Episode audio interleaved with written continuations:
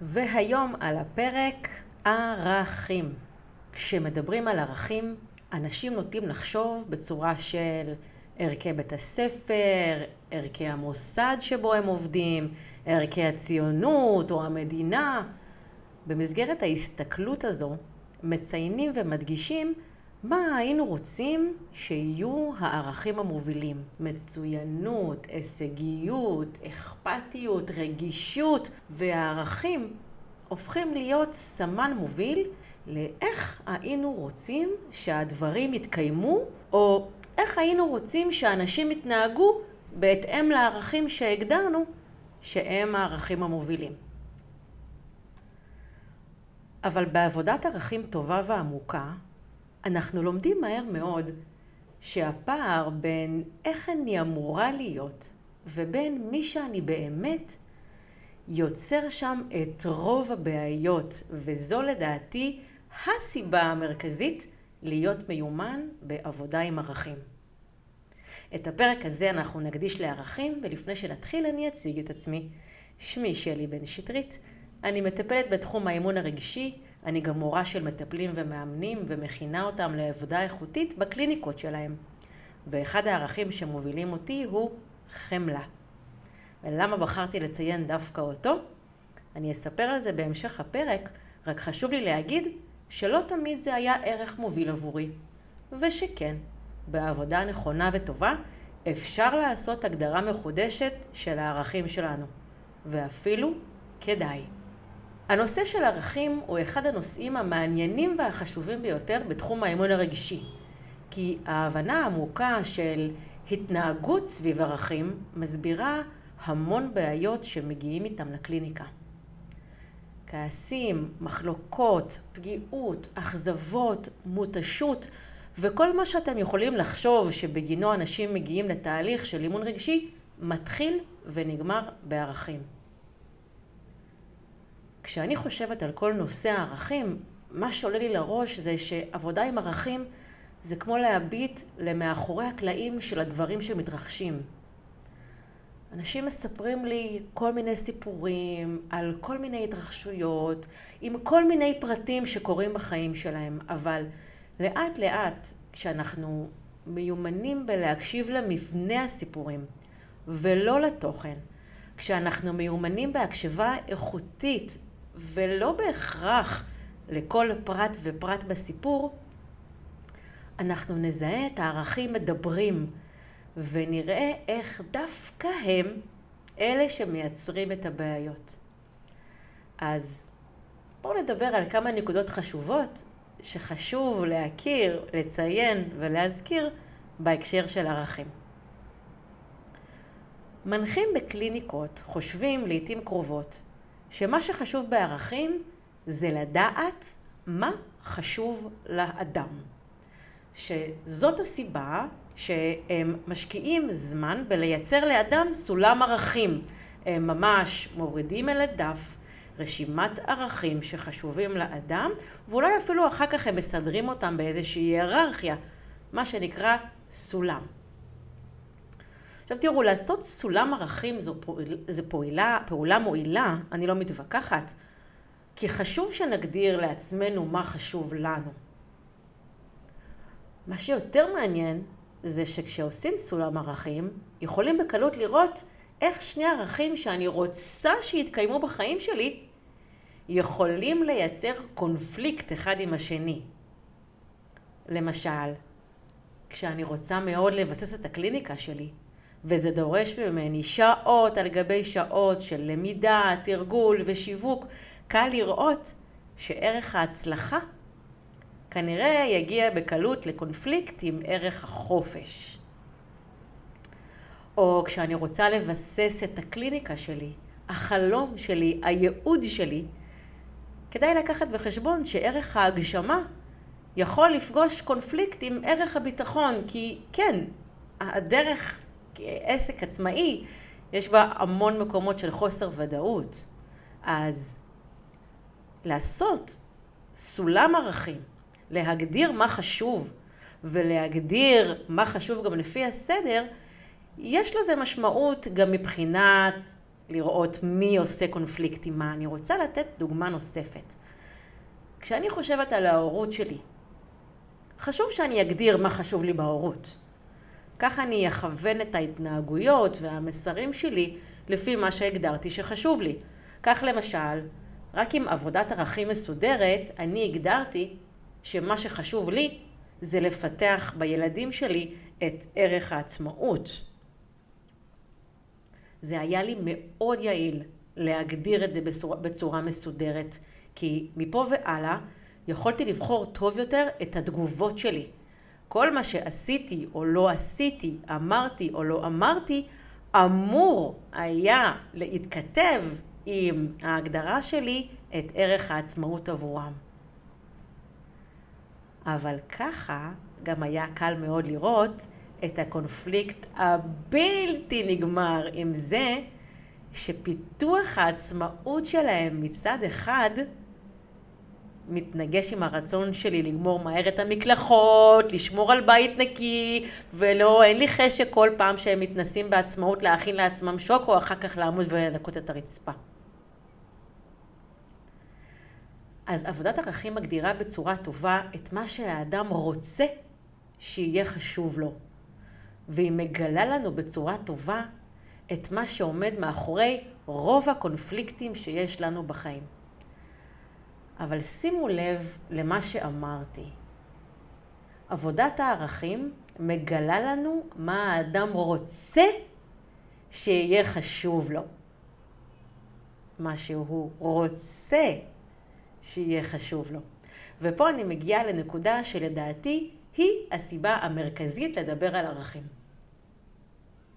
המציאות, או לפחות המציאות שלי ושל האנשים שאני מלווה בקליניקה שלי, המציאות מראה שיש פער בין מה שאני חושבת שאני רוצה שיהיה חשוב לי ובין, ובין מה שחשוב לי באמת. עוד פעם, המציאות מראה שיש פער בין מה שאני חושבת שאני רוצה שיהיה חשוב לי ובין מה שחשוב לי באמת. שניגע בנקודה כואבת רגע? רוב בני האדם שאני מכירה ידרגו את ערך הנאמנות במקום גבוה.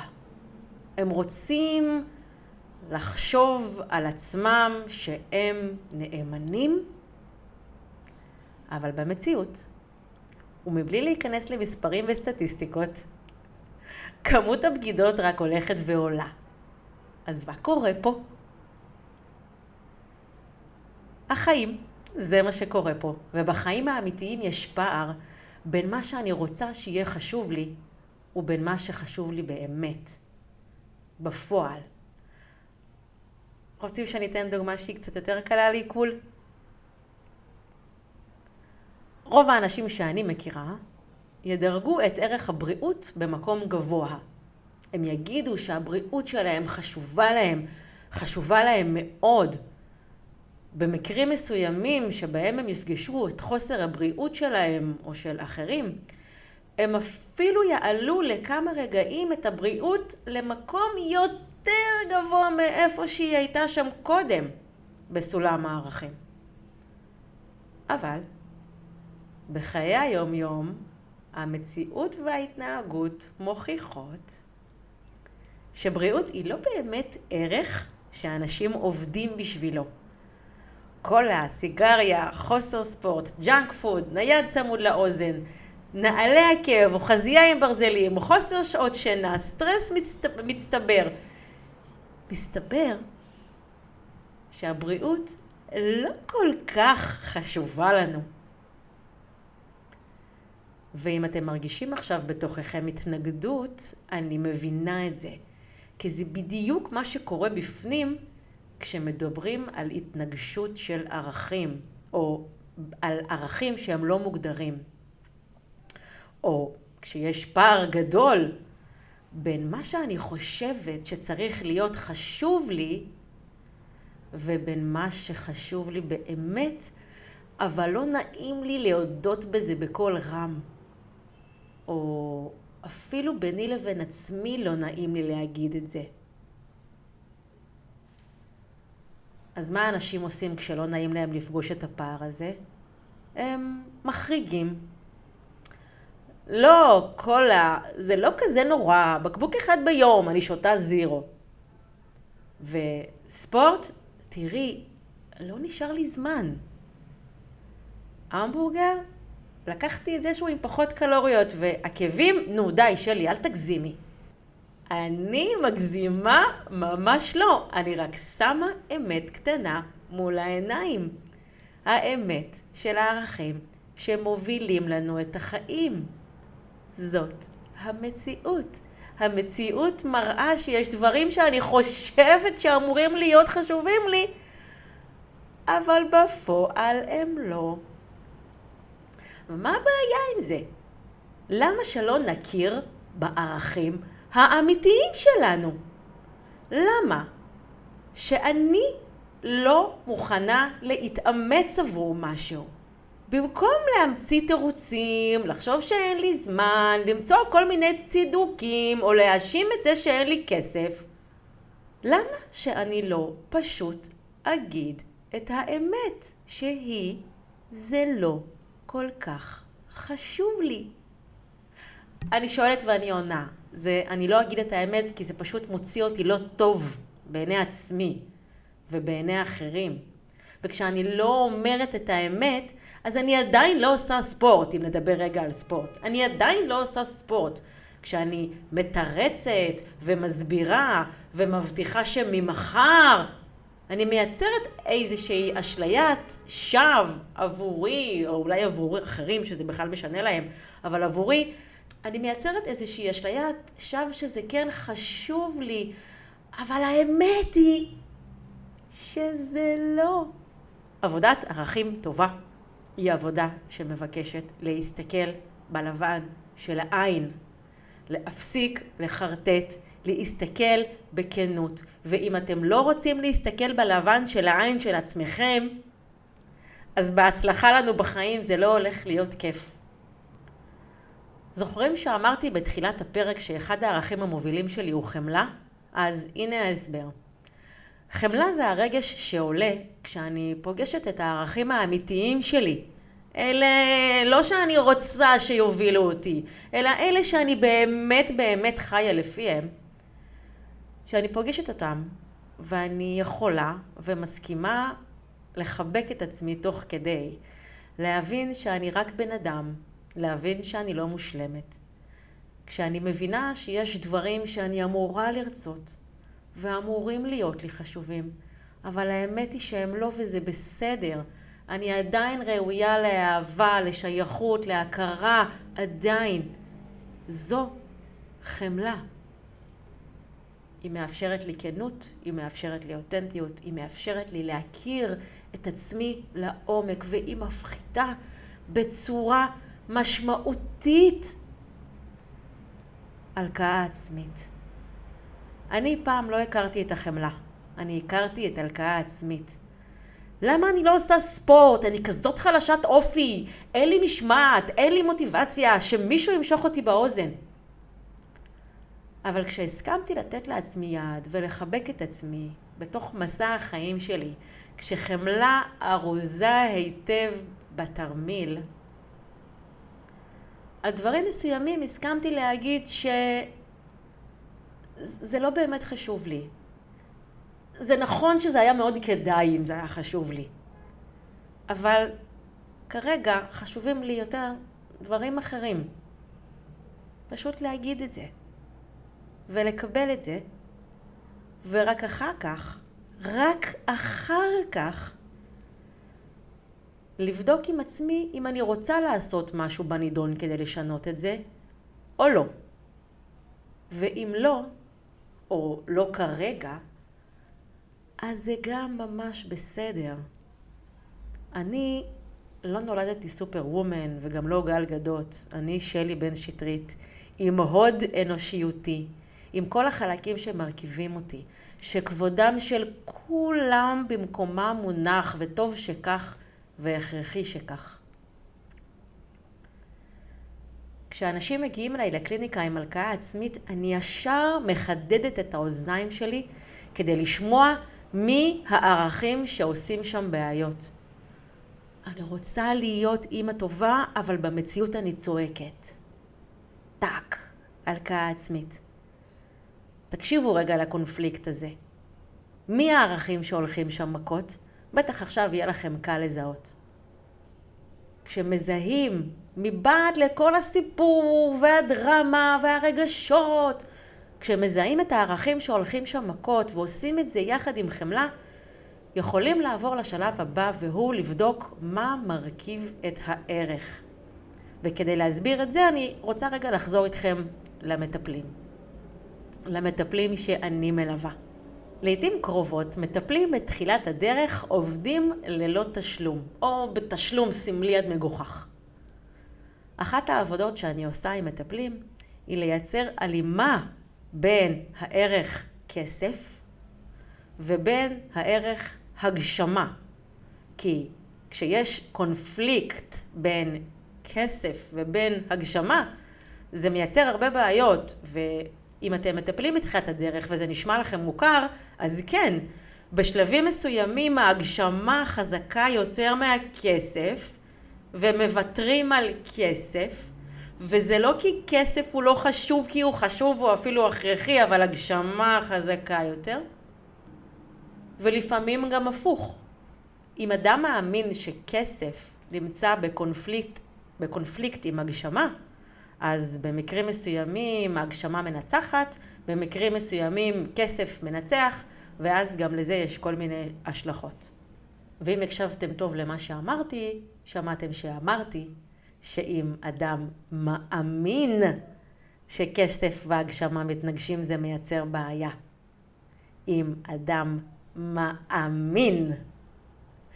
כי האמת היא שערכים הם בעצם אמונות, הם לא אמת אובייקטיבית.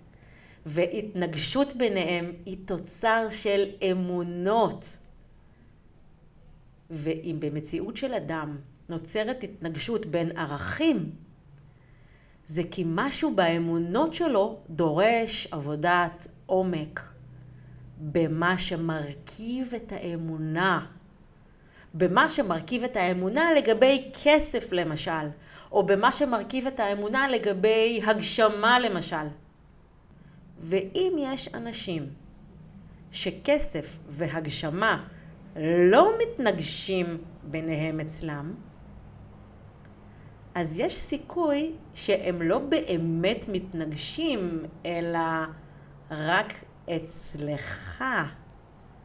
וזה מה שאני עושה לעיתים קרובות כשאני פוגשת קונפליקטים. אני מחפשת את האנשים או את המצבים שבהם זה לא ככה, שאצלם זה לא ככה. אצל האנשים שכסף והגשמה הם לא מתקנפליקטים, הם לא עושים קונפליקט. ואז אני בודקת אם זה משהו שאני יכולה לאמץ לחיים שלי. כשהתייעצתי עם אה, יועץ שיווק לא מזמן, הוא סיפר לי בדרכו שלו שהגשמה היא סכום הכסף שהוא יכול להרוויח. כשהלכתי בדרך שלו גיליתי שאני באמת יכולה להרוויח את מה שמרכיב אצלו את ההגשמה. לאורך הדרך ראיתי, אבל חשוב לי להגיד בכנות גמורה, שראיתי את זה רק לאורך הדרך, שזה לא מה שמרכיב אצלי את ההגשמה. כסף אמנם משמח, משמח אותי מאוד והוא חלק מההגשמה שלי, אבל בתוך ערך ההגשמה שלי יש דברים אחרים שממוקמים גבוה יותר. ככה זה אצלי, עם סיפור החיים שלי. ואני יודעת שיש אנשים אחרים שאצלם זה אחרת, וזה ממש בסדר, כי ערכים זה דבר סובייקטיבי להפליא. השאלה היחידה שצריך לשאול היא לא אם זה טוב או רע, אלא אם זה משרת אותי או לא. לסיום של הפרק הזה אני אגיד שלאורך החיים שלי הובילו אותי ערכים שלא שירתו אותי כמו שחשבתי. ערך המצוינות למשל החביא בתוכו את הפרפקציוניזם בצורה נפלאה ועשה לי בלגן יותר מתועלת. את רוב ההישגים שהגעתי אליהם וייחסתי לערך המצוינות, יכולתי להגיע אליהם גם בדרך אחרת עם ערכים אחרים, ורק כשהורדתי את ערך המצוינות למטה קצת בסולם הערכים, ובמקומו שמתי את ערך ההתנסות במקום גבוה יותר, פתאום נהייתי מצוינת. ערך החריצות היה מוגדר ממש לא נכון אצלי. וכשהוא היה ערך גבוה, ככה גבוה בסולם הערכים, עם הגדרות לא נכונות, זה התיש אותי. מאוחר יותר סידרתי את ההגדרות של חריצות, והצלחתי להכניס לתוכם את השנץ, ככה שאני יכולה גם לעשות שנץ וגם להרגיש חרוצה. וזה לא מתנגש. אבל מעבר לזה שיניתי בסולם הערכים שלי, הרמתי למעלה את ערך הנוחות, הורדתי קצת למטה את ערך החריצות, והיום נוחות חשובה לי יותר מחריצות. ומסתבר שכשאנחנו ארוזים היטב עם חמלה, אנחנו יכולים לסדר את הערכים בדיוק כמו שאנחנו רוצים, ולגלות שנוחות מביאה איתה תוצאות הרבה יותר טובות מאשר חריצות. ואני מקווה שעכשיו הכל כבר מתחיל לתפוס אצלכם היגיון וכיוון. אני מקווה שהפרק הזה תרם לכם והוסיף לכם חומר למחשבה. נושא הערכים הוא נושא גדול ומורכב, שלומדים בכמה שיעורים בכיתות המטפלים ומתרגלים הרבה הרבה הרבה הרבה קודם בחיים שלנו ורק אחר כך בחיים של אחרים. אבל אני בטוחה שגם נגיעת קצה המזלג הזאת שעשיתי איתכם פה עכשיו גירתה לכם כמה בלוטות טעם של מחשבה. אני אשמח מאוד אם תספרו לי אם הפרק הזה תרם לכם, או מה לקחתם ממנו, מה למדתם, מה התח... הת... התחבר, מה התבהר. אם יש לכם שאלות אתם מוזמנים לשאול אותי, אני תמיד שמחה לענות. אמ, לעיתים קרובות אנשים כותבים לי מה הם חושבים ואיך הם מרגישים אחרי, אחרי שהם מקשיבים לפרקים, וזה מאוד מאוד משמח אותי, כי בסופו של דבר, כשמקליטים פרק, אני יושבת פה לבד עם עצמי, אני מדמיינת מה תחשבו ומה תגידו ואיך תרגישו ומה תיקחו, אבל אני לא יכולה באמת לדעת. אז אני מאוד אשמח לקבל את המשוב שלכם, את התגובות שלכם, את המחשבות שלכם, להרגיש שאתם פה איתי. יש כמה אנשים שכותבים לי באופן קבוע, ועכשיו שאני מקליטה את הפרק הזה, אני ממש יכולה לראות את הפנים שלהם מול העיניים שלי. קל לכם למצוא אותי גם באתר שלי יש מקום שאפשר להשאיר מקום להודעות או אפילו להקליט, בדף הפייסבוק שלי או במייל שלי שמפורסם בכל מקום. תרגישו בנוח לפגוש אותי. ערך החיבור, האותנטיות ובגובה העיניים הוא ערך שנמצא אצלי מאוד מאוד גבוה, אה, מאוד מאוד גבוה בסד... בסולם הערכים שלי, ואני אשמח אם תעזרו לי להגשים אותו. להתראות בפרקים הבאים.